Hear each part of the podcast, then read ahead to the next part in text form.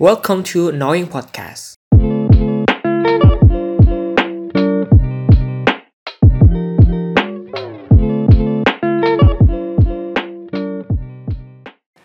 Hai, terima kasih telah mendengarkan Knowing Podcast. Balik lagi barengan aku Tio, satu-satunya host di podcast ini. Di akhir tahun 2020 kemarin, aku berkesempatan buat ngobrol banyak banget sama Irma. Dia adalah wakil presiden eksekutif mahasiswa Universitas Brawijaya dan juga ngobrol bareng Denius. Dan Denius ini adalah Menteri Diplomasi Internal EMUB 2020. Nah, seperti apa kesurannya? Langsung kita dengerin yuk. Kalian tuh berorganisasi udah berapa lama? Kamu dulu deh, Den. Dari maba. Berarti SMA gak pernah? SMA juga. Nah makanya dari kapan? Oh, gitu loh. Hitungnya oh dari seumur hidup berorganisasi itu mulai dari kapan? dari SD kayaknya. School. SD apa? Emang ada Pramuka. OSIS? Oh iya ya ada pramuka ya. Kan pramuka ya udah SMA, SMP, OS- OSIS pramuka, Hmm. SMA, OSIS. Lu udah baru lanjut kuliah. Di OSIS berarti dulu. Berarti udah lama ya. Maksud kayak udah sering di organisasi gitu loh. Alhamdulillah, Mas. Kalau Irma, kawan? Dari SMP. OSIS. Ya. SMP, SMA. Waktu ikut OSIS kayak. Nah, Oh, iya. Iya. Anjir. SMA juga. SMA juga. Waktu itu OSIS juga. Iya. Anjir. Aku SMA pemi- pemilu. Tapi kalah, jadinya otomatis jadi wakil. Oh. Oh gitu sistemnya. Nyalon jadi ketua. Apa? Pengen nyalon, jadi ketua. Nyalon jadi ketua. Loh, emang kena maksudnya biasanya gini kalau cewek kan kayak ih ngapain sih jadi ketua OSIS gitu-gitu kan. Nah, Apalagi kamu dulu apa SMA? SMA. Hmm. Dan pasti banyak cowoknya juga Iya. kan yang yang nyalon gitu loh. Kenapa kamu kayak ya udahlah aku nyalon aja gitu. Dari SMP Iya. bahkan. Apa namanya? Ya kalau dulu kalau kita masih SMA ya mana ngerti sih soal maksudnya kayak Hmm. patriarki gitu-gitu kan Oke. secara nggak langsung Iya, kan nggak tahu kan. nggak Hmm. tahu kan adanya uh nggak concern ke sana tapi Bener. secara nggak langsung sebenarnya kita emang ngejalanin itu sehari-hari jadi dulu aku tuh ya kayak gitu nggak dipilih maksudnya orang karena orang lebih milih cowok Mhm. dalam memimpin kayak gitu cuman ya kalau aku sih eh, kan sih ada sistem dicalonin juga kan Oke, eh, kayak dipilih kelas, ah, bla, bla, bla. dipilih dipilih sama kating-kating gitu kan ya udah habis itu ya karena emang emang apa ya suka aja memimpin Ah. kalau dulu tuh suka ka- kayak hal-hal tentang kepemimpinan terus eh, ngebawa orang banyak Hmm. Oh, dari SMP wakil terus ya. Kuliah Iya. juga wakil. Oh berarti Iya. nggak yang di SMP juga nggak jadi yang- ketua OSIS? nggak nggak jadi Oh. kali juga yang menang cowok juga Lu setara juga jadi wakil, wakil rakyat. Nah, Waduh. Waduh. Berat berat. gitu jadi kayak teman aku waktu apa namanya ngomong kayak waduh wakilmu kayaknya takdir Iya anjir. Iya juga ya. dari SMP SMA kuliah Ka- Kamu ngapain Den? Maksudku banyak orang yang biasanya gini di SMP, di SMA udah osis terus di kuliah kayak ah udah aku capek berorganisasi ribet proker ribet ketemu orang gitu-gitu loh. Kenapa kok kalian ya udah lanjut aja gitu di SMA eh di SMA di kampus tuh kenapa kok mau lanjut? Kan ribet berorganisasi. Kayaknya udah jiwanya sih mas. Jiwa tuh gimana? Kamu apa yang kamu cari di organisasi sebenarnya? Kalau nggak sibuk kayak pusing gitu. Ada Ah. banyak orang bilang kan kalau aku nggak ngapa-ngapain pasti pusing bawaannya, ah. diam aja bisa pusing. Ya walaupun dulu juga SMA kalah juga osis. Iya iya iya. nyalon juga Iya kalah. Itu gara-gara isu agama. Masa dosennya nanya kan itu satu sekolah Islam semua. Aku cuma Kristen satu Sedih. orang di situ. Iya iya terus Iya, terus. terus hari Sabtu itu lagi apel biasalah apel. Ya baca yasin Upacara gitu. baca yasin baca yasinnya ditunda untuk pemilihan kampanye. Ya udah aku kampanye ditanya sama gurunya. Katanya Denius kamu ini cuma sendiri loh. Yang Sedih banget anjir. Oke, ya Terus, terus. aku dengar ya pak kenapa? Kamu yakin mau mimpin umat Islam dengan kamu Kristen? Us. gimana kamu cara memimpin umat Islam? Wah anjir aku langsung waduh itu apa? SM, SMA SMA itu Wih, gokil. kelas 1 sampai kelas 3 di depan baris semua. Yang lain Ya. diem langsung. Ya, suasana gimana? yang seharusnya mau diem semuanya diem. Aku juga diem. Tiga detik. Tiga detik diem. Iya pak, saya yakin Pak, menurut saya pemimpin itu nggak harus lihat dari agamanya pak. Kalau memang udah niat, pasti nanti hasilnya juga bakalan bagus terus banyak tiba-tiba anak-anak teriak semua wow tepuk tangan Wes. aku udah bangga wis dipilih nih menang nih menang nih. pas pengumuman juara dua Eh, men- berarti calonnya berapa? lima Oh ya mending dong, berarti suaramu emang banyak kan? hmm, bayangin kalahin berarti tiga Islam di belakang Hmm. Berarti Ya. emang kamu kalah ganteng kayaknya. Iya nggak? nggak udah ganteng memang mas udah ganteng memang Duh, berarti calon eh wakil eh wakil lawanmu yang lain lebih ganteng. Mungkin mungkin Eh, ya, makanya. mungkin kalahnya. Berarti Ya, bukan gara-gara agama ya, kalah ganteng aja kan. kita nggak tahu sih Oh, iya. namanya juga di Aceh ya sensitif banget yo mungkin mereka masih menganut Al-Maidah. Loh, itu pas zaman-zaman kalian masuk Ahok. gak sih? Eh, pas Ahok Iya kan kalian masuk Oh. tuh ah gitu ya. Pas Ahok Ahok itu itu lagi panas-panas sih itu dan Pas. aku juga nyalon Oh pas nyalon berarti. aku udah mikir wah ini kayaknya bakalan panas isunya ini Ahok Hmm. udah diiniin masa aku nggak digituin juga Hmm. ya wes di kuliahan ya lanjut gara-gara ya memang udah kebiasaan gitu loh kalau nggak ngapa-ngapain Si ya apa pusing. bukan juga anak akademik juga aku Ah paham paham. di SMA juga ikut lomba ya kalau di kuliahan susah ikut lomba karena banyak yang pinter ternyata dari aku di Aceh itu ternyata akhirnya ya lumayan nyampe sini anjir kok aku makin goblok ya Iya ya aku rasa bahasa gitu deh. Inggrisku aja wah, anjir Iya iya ya, aku rasa juga. ABC dia aja aku masih dimarahin sama guruku Bahasa Inggris itu. kok malah tek, kamu belajar lagi sama ini ya kamu dari Aceh Dosen? ABC dia aja nggak bisa malu aku masuk bahasa Inggris Siapa itu? Pak Didik baru tahu ya. Sumpah Banyak, iya, iya. ya wis, dia bilang kalau aku nggak bisa setidaknya kalau nggak bisa dapat akademik ya setidaknya dapat organisasi lah keunggulan Ah, ya makanya lanjutin organisasi apa pun diikutin aku juga gitu Den. Bener bener motivasiku tuh karena aku kalah di akademik ya udahlah aku di organisasi aja. bener setidaknya ada yang unggul plus. satu yo Bener bener. Bener, Ya. Allah. kalau Iya bisa juga. dua-duanya sih bang Ya meskipun kita sama-sama kalah ya. Kamu kalah dua kali ya Den iya mas Loh, yang di fakultas itu kalah juga alasan agama juga. enggak Pak itu apa? Kalau di SMA itu biasanya kan isu apa nggak ada ini kok kesinggung lagi ome Oke, nggak ada ome. Nah, Ya tapi kan apa-apa. kalau di kuliah udah ganti isu agama itu kayaknya kurang orang udah udah Berpa oh iya memprediksi. berganti ke latar belakang organisasinya apa agama kayak bukan yang jadi utama gitu Kan ini nama podcastku annoying podcast ya. Jadi pertanyaannya adalah hal apa yang paling annoying selama kalian berorganisasi? Kayak yang paling sebel banget lah kalau ikut organisasi itu paling sebel ini gitu. Irma apa Irma? susah ya semuanya annoying ya. iya sih iya Eh udah sebutin Silakan. aja apa apa aja itu. kalau aku ya jujur eh, nyinyiran orang yang emang kayak nggak paham kondisi maksudnya dia Hmm. nyinyir tapi nggak berbobot dan maksudnya dia nggak kritik yang nggak membangun Ah. yang ngejatuhin tapi emang karena dia segampang itu ngomong gitu kalau kesel annoying kan pasti ya cuman ya aku sih nggak pernah ngambil kayak Ya paling terganggu ya udah doang lah. cuman kayak ih apa sih maksudnya selama organisasi mahasiswa kan kerja kerja volunteer kan Ah. nggak dibayar itu loh jadi yang kayak ya Allah apa sih kenapa sih nggak bisa support aja Ah. gitu Itu itu aja.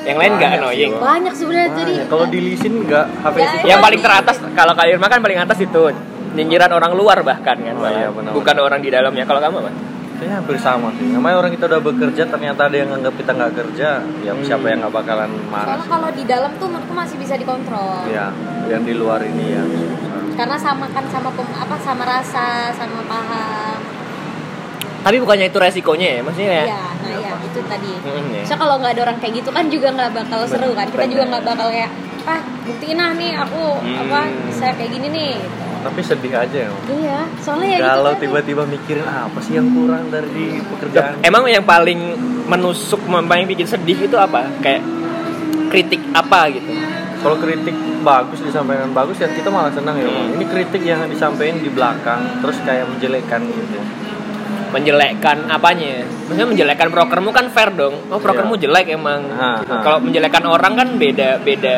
hmm. Beda lagi gitu ini kan Contoh. organisasi bukan orangnya gitu. Nah contoh ya kemarin Misalkan. di jurusan ketika aku main di himpunan yo main Oke. di himpunan terus ada yang bilang Denius Denius sekarang udah jadi kahim nggak pernah lagi ngo ngop, apa ngopi sama kita udah Ah. sombong ya nanti aku matamu aku kok kira aku punya waktu tidur kerjaanku cuman rapat-rapat datangnya anak-anak tiap rapat gitu aja. Malah kau bilang nong ngopi. Ketika aku datang ngopi nggak bahas apa-apa. Hmm. itu aku bingung lah. Pernah aku tanya Waktunya gitu itu. iya udah ngasih waktu tanya rek aku udah datang apa yang mau dibahas? Malah enggak nggak apa-apa. Dan kita pengen santai-santai aja udah pernah ngobrol. Tak tinggalin lagi sama lagi terjadi. Dibilang wah udah dibantu tapi lupain teman. Nah kadang mereka juga ya karena udah dibantu kita mereka minta bayaran. Ah, paham, bayarannya nggak bentuk duit yo kayak Den dengan aspirasiku dong aku pengen seperti ini terus pas kita tolak yang mereka kayak kok ditolak sih padahal aku udah bantu dia Itu pas di himpunan berarti. iya Pas jadi kahim itu? iya itu susahnya kalau memang ma- maju terus dibantu sama orang Dengerin ya temannya Denius, namanya siapa? strawberry merasa kayaknya dia Iya iya iya. Benar-benar.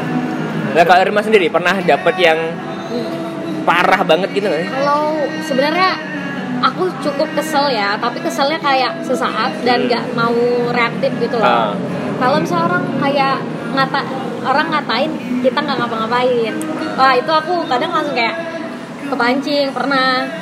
Pernah juga kepancing.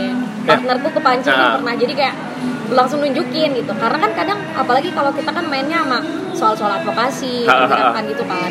Nah kalau misalnya komunikasi ke rektorat itu nggak mungkin ada isu ada masalah kita kan nggak mungkin instan dapat jawaban yang Hmm. memuaskan kan dan kita pun pasti ada proses komunikasi dulu pelan-pelan nah orang kan maunya kayak "Nih, nih, nih, nih," terus Iya, langsung iya, ngatain iya. langsung ngasih kesim, apa ngambil kesimpulan wah ini nggak kerja nih ayamnya wah itu aku kayak ya wajar tapi wajar normal gitu kan karena kan mahasiswa ya maunya Cepet, Cepet. maunya responsif gitu-gitu kan. gitu sih cuman Contohnya? kesel sih contohnya mah ah contohnya ya kayak itu soal kemarin banyak UKT soal Hmm. kemarin itu apa wisuda wisuda wah itu kan Oh, dikatain uh orang tuh kalau udah sekali ngecerca ya wah Yang lainnya ikut, yang mulutnya lainnya ikut.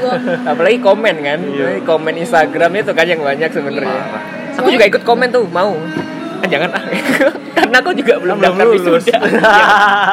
belum lulus anjir. sebenarnya kita juga sebagai aku nggak eh, mandangnya ya kita nggak perlu kok diapresiasi yang kayak kamu terima kasih kerja Hmm. bagus segala macam tapi cukup orang-orang tuh paham kondisinya dan mau komunikasi dengan cara-cara yang baik sih menurutku. Hmm. karena kan sampai keluar kata-kata yang kayak nggak proper kata-kata yang kadang ya aku juga nyat apa sakit gitu di hatiku cuman aku kayak ya wajar ini semua wajar Berarti kayak rasanya pengen nunjukin chat-chatnya kayak pengen nge-vlog tiap ke rektorat gitu kan.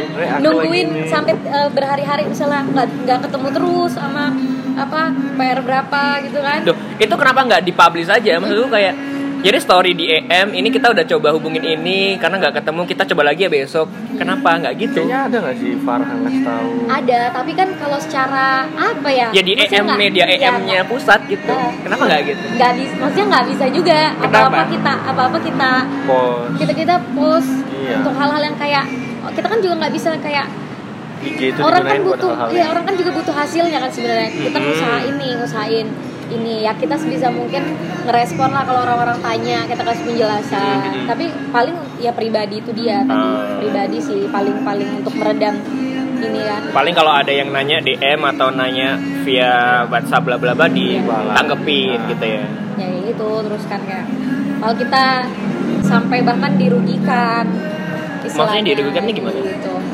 kayak hubungannya kan jadi nggak apalagi waktu yang isu kate kan karena de- kita demo mereka kan jadi kan Hmm. mereka Oh. kita kan pasti mereka kan punya kuasa ya kita bahkan yang dirugikan itu yang nggak orang-orang lihat Paham paham. Iya ya. Tap aduh jangan ini ini sensitif lah janganlah Jangan. serem serem ntar di ini Enggak. aja mas di mute ini mute. Net. lama dong oh di setel lagu aja Net, iya. tapi nggak ada suaranya Net. Aku udah- tit tit tit gitu kan sensor gitu segala. Kayak dikira kita juga nggak butuh apa gitu loh kalau soal KT ya misalnya. Terus kalau soal wisuda kayak dikira kita juga nggak bisa merasa gitu. Kadang mahasiswa merasa kita ini juga nggak merasakan mereka padahal kan ya sama kan sama-sama mahasiswa. Oke lah kalau di organisasi kan emang ada faktor internal dan eksternal ya. Kalau eksternal kan emang kita nggak bisa mengendalikan, karena kayak nggak bisa nggak bisa ngatur orang tuh harus ngomong ini, orang tuh harus tahu kalau kita ini kan nggak bisa ya, itu persepsi orang. Kalau yang di internal sendiri apa yang paling jadi concern gitu, maksudnya kayak, aduh susah banget sih kalau di EM atau ya di EM sama internalnya itu apa yang paling susah banget dijalani?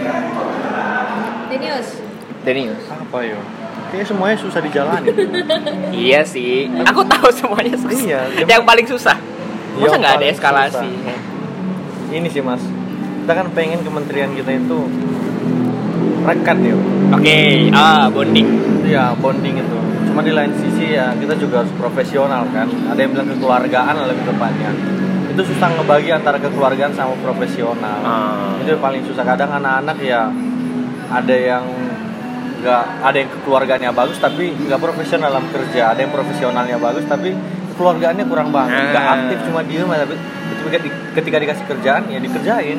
Paham itu yang saya pengennya kita ya dari 550 lah.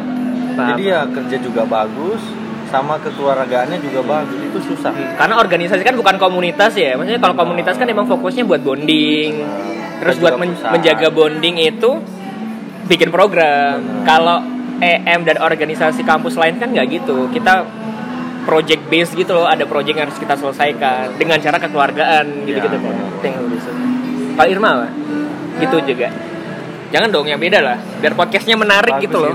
ya gitu maksudnya karena hal dari aku tantangannya karena kan aku istilahnya melihat semua kan? Iya. melihat semua dan memegang semua. Mungkin Hmm. kalau Denius di internalnya kayak gimana complicated. Hmm. karena juga kalau fakultas aku dulu di fakultas orang-orangnya itu itu aja oke. Maksudnya kita pun di kelas pun ketemu kita pun di fakultas acara apa pun ketemu gitu kan. Nah kalau satu EM ini kan beda-beda background beda fakultas beda Hmm. fakultas beda angkatan beda budaya beda bahkan pola kerja beda sistem kerja beda. Apalagi kalau dia dari BEM semua nih. Apalagi kan eh, gini kalau di tataran inti-intinya ya mungkin atau BPH BPH-nya karena orang-orang ini tuh orang-orang hebat kok bisa kok Ah.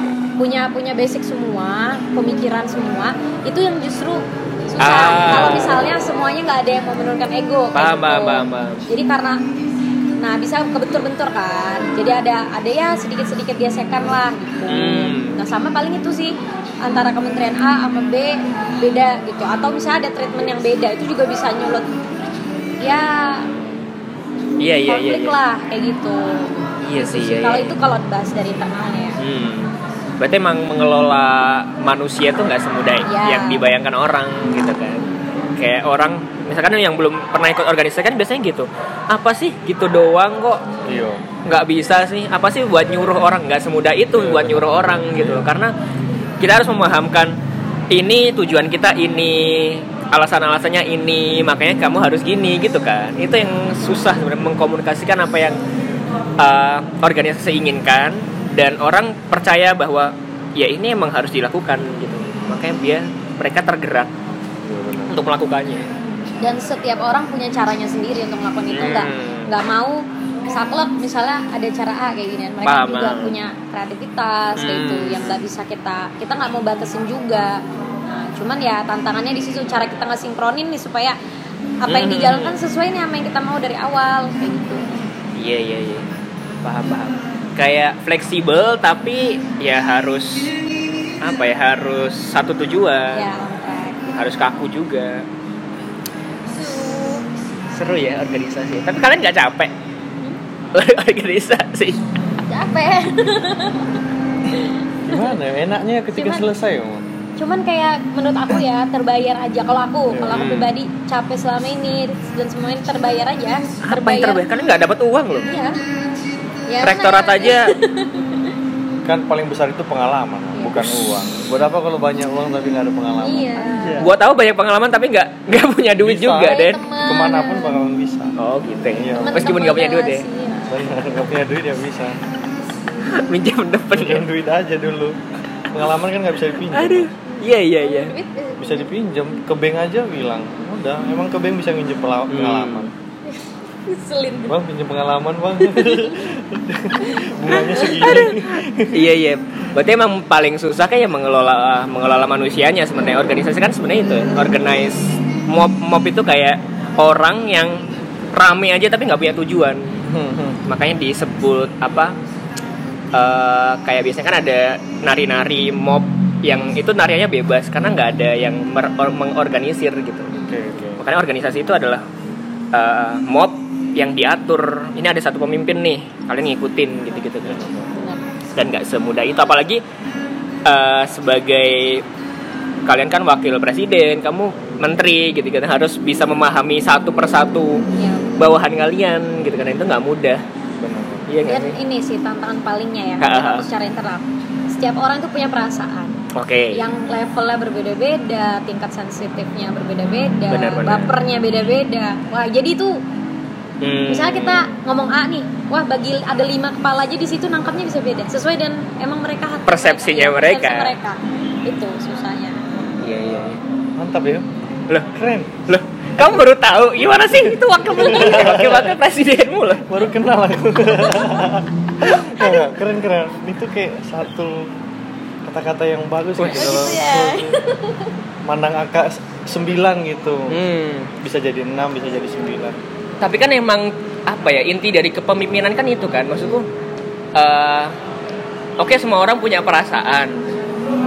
Eh, tapi seorang pemimpin nggak nggak bisa juga memenuhi semua perasaan itu gitu kan nggak bisa tapi juga nggak bisa me- apa ya mengecewakan semuanya Iya. gitu loh jadi emang harus di manage gimana caranya perasaan nggak sakit-sakit amat tapi kerjaan jalan, Jalan. gitu susah kali itu Iya kan, emang susah. Makanya cara mengkomunikasikannya, uh ribet. Iya iya iya.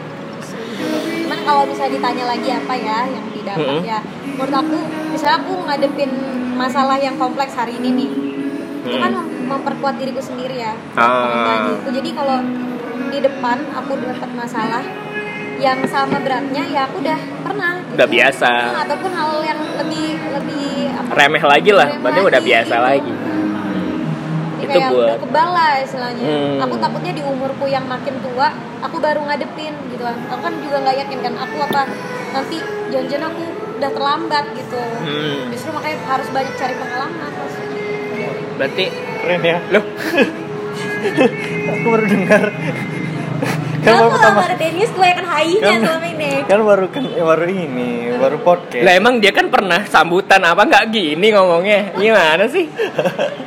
nggak mau berinya Keren ya. casi. Astagfirullahaladzim, aku meso-meso deh podcastku deh. baru dapat gitu insight dari Mbak Irma Ada. udah dua udah Tapi emang bener ya, maksudnya berorganisasi itu emang belajar bersinggungan sama orang lain gitu.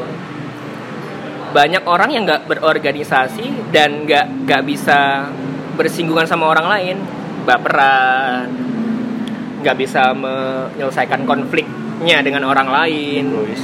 kayak egois, nggak bisa memahami maksud orang lain juga, akhirnya kabur, ngeblok Instagram, misalkan ghosting gitu-gitu kan. Benar iya iya iya. karena emang nggak bisa mengendalikan emosinya nggak bisa berdamai dengan orang lain juga gitu Iya. Seru ya. ngomong dong masa Irma dulu ayo, Ayo, keluarkan, insight keluarkan. keluarkan Nanti Irma baru dengar kan tujuannya itu takut aku kayak tak pendamai itu Eh, deh, deh, deh, keluarkan deh. Aduh. ya Allah ngakak. tapi kan masuk organisasi Hmm. Banyak orang ya bang masuk organisasi karena pengen merubah pola perilaku Hmm. seperti itu. Tapi gini kan banyak juga yang EM kan kayak organisasi besar ya di kampus ya. Kan ya cuma pengen ngehits. Hmm. apalagi kalau ada aku jadi presiden biar banyak orang kenal aku ya kan? Aku biar jadi ketua pelaksana biar orang banyak yang ngefans sama aku gitu-gitu. Nah, itu menurut kalian gimana? Wah, kalau aku pribadi pastilah bang. Oke. Itu kayak jadi salah satu poin plus ya tambahan gitu. Emang apa? Maksudnya terkenal terus Terkenal. kenapa? Terkenal terus ya kayak merasa bangga aja itu hmm. ketika ada orang tahu bahwa ternyata kemampuan anak ini kayak orang pada tahu kemampuan kita ketika kita ya dikasih tanggung jawab yang besar. Ah. Jadi kan jadi kebanggaan tertentu gitu orang dikenal tapi kan itu bukan bukan niat utama kan paham gak sih? Kan Nah, ada orang yang plusnya. nyalonin tapi ya target utamanya buat terkenal gitu Iya. banyak. Followers, misal. Iya kan followers Instagram. Itu mah dia mas. Buat endorse bla bla bla. dia lima ribu followers aku masih dua setengah. iya iya iya. Cuman gini sih, menurut aku ya, kalau orang motivasinya buat terkenal, terkenal top di Hmm. awal, ya tadi balik lagi pertanyaan buat apa. Cuman kalau aku sih prinsipnya, ya biarlah kamu otomatis terkenal dan dengan apa yang udah kamu lakukan hasilkan. Contohnya kayak aku sekarang, misalnya aku mungkin udah cukup dikenal tapi aku jadi orang yang dikenal sebagai apa Ah. atau seperti apa kayak itu kan. Sosok yang bagaimana ya kan percuma terkenal tapi misalnya sensasi doang. Hal-hal Iya, iya. yang apa ya yang nggak bermutu gitu kan. Jadi biarin orang kita nggak perlu kita nggak perlu sok-sokan usaha buat biar kita terkenal kok. Tapi kalau misalnya kita menurutku ya kalau kita udah total udah ngelakuin semuanya sesuai tugas kita ya secara otomatis bakal terkenal Aku baru denger loh ini. Keren. Sama. Wah, Aku mau bilang tadi. wah, Baru dengar. keren loh. Aku baru denger loh ini. Sama. banyak yang baru kamu dengeran ini Den Iya, Duh, tapi kan gini, eh, bukannya sebuah apa ya, kayak terkenal tuh menjadi beban gak sih menurut kalian? Terkenal itu menjadi beban. Kayak beban gini, harus terlihat terlalu selalu sempurna di mata orang. Pasti. Iya kan? Kayak harus Susah itu. Jaga image bla bla bla gitu-gitu. Iya. Aku kan punya sifat selengean ya, Mas. Nah, nah, itu gimana mas? banget anjir. Kita selengean, terus tiba-tiba jadi menteri. Iya. Kayak, paham gak sih? susah banget ya di awal-awal ketika hima itu juga aku dikenal sama orang itu sangat kayak ngawur Oke. selengean terus pokoknya bicaranya ya kasar lah pokoknya ya. Oke oke. tapi semenjak jadi jadi Kahim? kahim, ya dari kahim sebelumnya bilang bahwa ya kalau pemimpin itu harus ngasih contoh dan kalau kau baik anak-anakmu juga bakal baik kalau kau tegas anak-anakmu bakalan ngikut apa yang mereka bilang apa yang kau bilang ya wes dari situ mulai jaga diri lah cara duduk diatur Hah, masa sih? diatur ketika di depan Ah. anak-anak Oh gitu ya. cara bicara diatur pelan-pelan jangan terburu-buru Hmm. rambut semua penampilan pokoknya berubah drastis ketika juga masuk ke KM bakal meningkat lagi karena ya ini saya nggak eh saya bukan maksudnya yang kutemuin sini bukan lagi jurusan tapi udah orang-orang yang berfakultas jadi Hmm. harus lebih berwibawa lagi Nice. sama bicara sama anak-anak ko- kosakata yang dipakai juga pasti itu mau nggak mau ya memang harus meng ini ya, mengikuti di mana tempat kita berada Hmm. Iya. Irma baru denger. Us, baru denger lah aku. ya karena aku melihat Denis apa adanya juga maksudnya Ah. tetap on track tapi ya apa adanya dia Ah, malu aku Sok-sokan. Malu-malu. Iya sih. Banyak perubahan mas yang terlihat. Enggak, maksudnya jangan sampai dengan karena kita terkenal, kita apa, jadi sejaim itu. Maksudnya kayak selalu terlihat sempurna, tapi malah program-program kita terbengkalai, paham gak sih? Iya. Iya paham paham. Kayak cara kita ngobrol ke orang jadi formal banget, itu kan gak asik ya. Padahal kan organisasi juga menuntut kekeluargaan. Benar. Kalau kita selalu formal, ya gimana mau masuk ke Iya, lini ke- terbawah Iya, iya. sebuah organisasi gitu kan, lini Iya, terdalamnya, staff-staffnya, gitu-gitu, biro-biro, bla bla bla, gitu-gitu. itu kalau aku ya kalau aku sesimpel dari followers Oke. dari story itu menurut aku yang cukup dari eh, aku jaga Hmm, misalnya Kenapa? gini aku pengen ngeposting apa gitu ya kan aku emang dari sebelum sebelumnya emang dari sebelum jadi wapres kan emang udah mengurangi Oke. postingan hal yang emang ya nggak nggak perlu lah gitu nah tapi makin ke sini ya itu kayak kadang insecure-nya di situ karena aku ngeposting sesuatu di instastory Mm-mm. aku nggak nyangka misalnya mungkin yang ngesin sampai 1800 atau sampai 2000 dan kan aku nggak nge-scroll ya orang Ini sombong atau gimana sih? enggak enggak Oh, enggak ya? Bagian.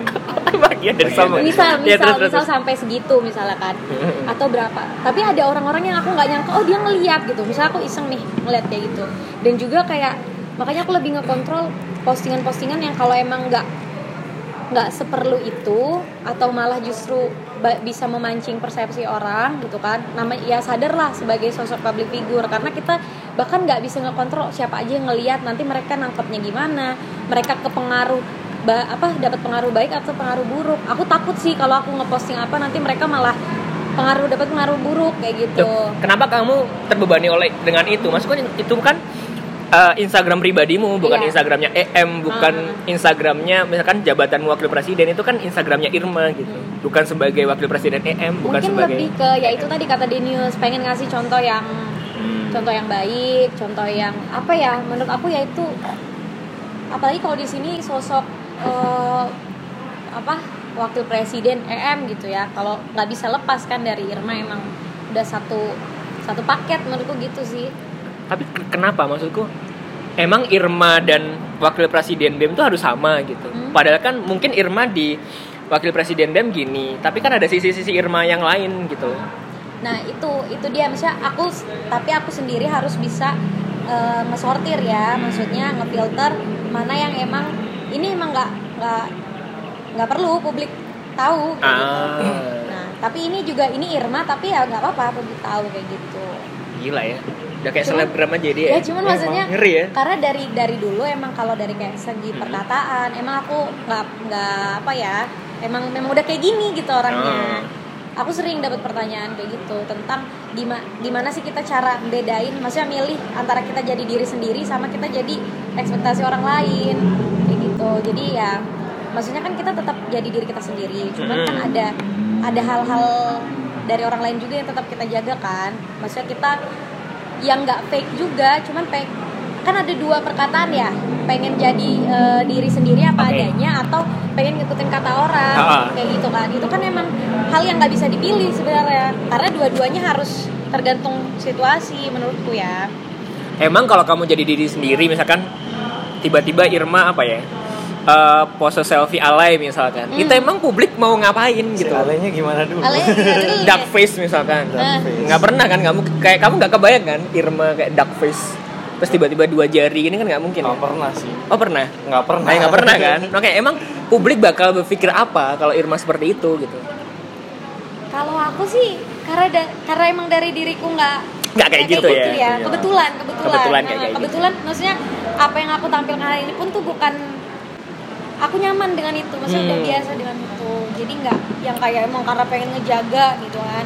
Cuman mungkin kalau misalnya aku lebih ke gini sih. Kalau misalnya aku lagi lagi di kondisi aku lagi having fun nih sama Oke. teman-temanku kan. Hmm. tapi situasinya lagi nggak tepat nih. Maksudnya- lagi ada lagi ada apa ya? Su- maksudnya suasananya aku nggak pengen terlihat kayak wah aku nih lagi senang-senang banget gitu loh. Oh kayak misalkan ada project apa yang belum Hmm, selesai ya, aku gitu kayak ya? gitu sih. Dan Proker karena apa emang selesai? rada nggak enakan orangnya jadi Ah, ya lebih memilih ya udah disimpan momennya iya, iya, iya. Keren ya. baru denger ya udah berapa kali kita ngomong itu Den Tapi setuju sih sama Irma tadi yo. Itu di kal di apa di kementerianku juga nggak tahu ya apakah Irma juga ngelihat di kementerian yang lain. Heeh. Kadang aku itu dijancuki sama anak-anakku. Hmm. Kayak menurutku nggak ada menteri yang pernah dijancuki dan mereka bangga gitu. Karena menurutku adalah ya bukan bukan anak-anak yang beradaptasi ke kita tapi kita yang beradaptasi ke anak-anak atau yang ke bawah. Jadi karena memang benar kata Irma tadi ya punya lima kepala yang ngelihat huruf A bisa berbeda-beda, Hmm. bisa jadi apa, anjing, asu semuanya bisa lah terserah mereka ngelihatnya A itu dari mana.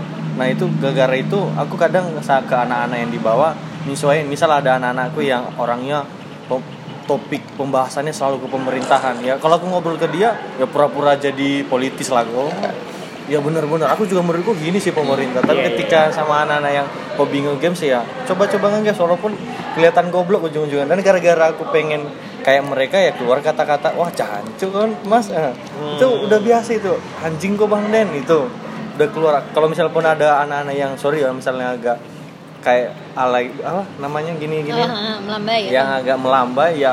Kadang aku juga ngikut ngikut ke Coba mereka. gimana? Hah?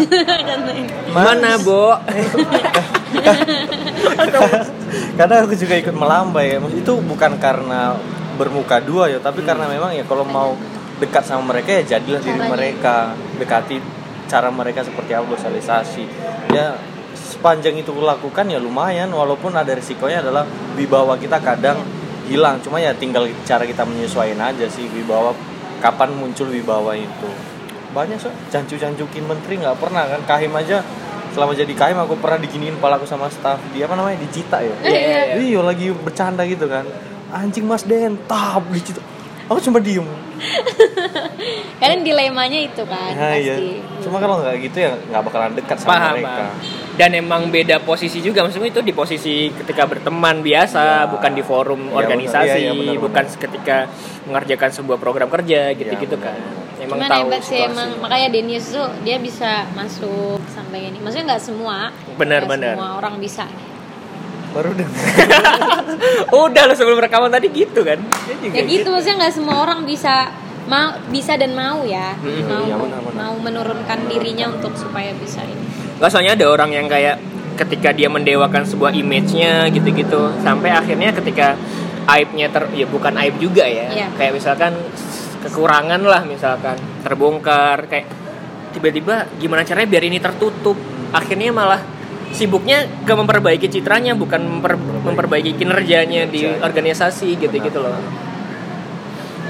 apalagi yang pencitraan-pencitraan kan yang kayak di luar gini ternyata program kerjanya juga nggak selesai paham gak sih? Iya. orang-orang yang kayak gitu Iya, kan. kayak terlihat keren Sering liatin kayak gitu. sering ya. Kayak sering posting rapih-rapih Iya, tapi iya, rapat nggak dateng Bener, misalkan. bener. sering kan? Liatin lagi ada yang rapat. tersindir kan ini nanti. Iya, sering tuh. Anak-anakku juga ada sih. hmm, Lagi rapat nih, padahal dia diem aja di itu ujung. kan?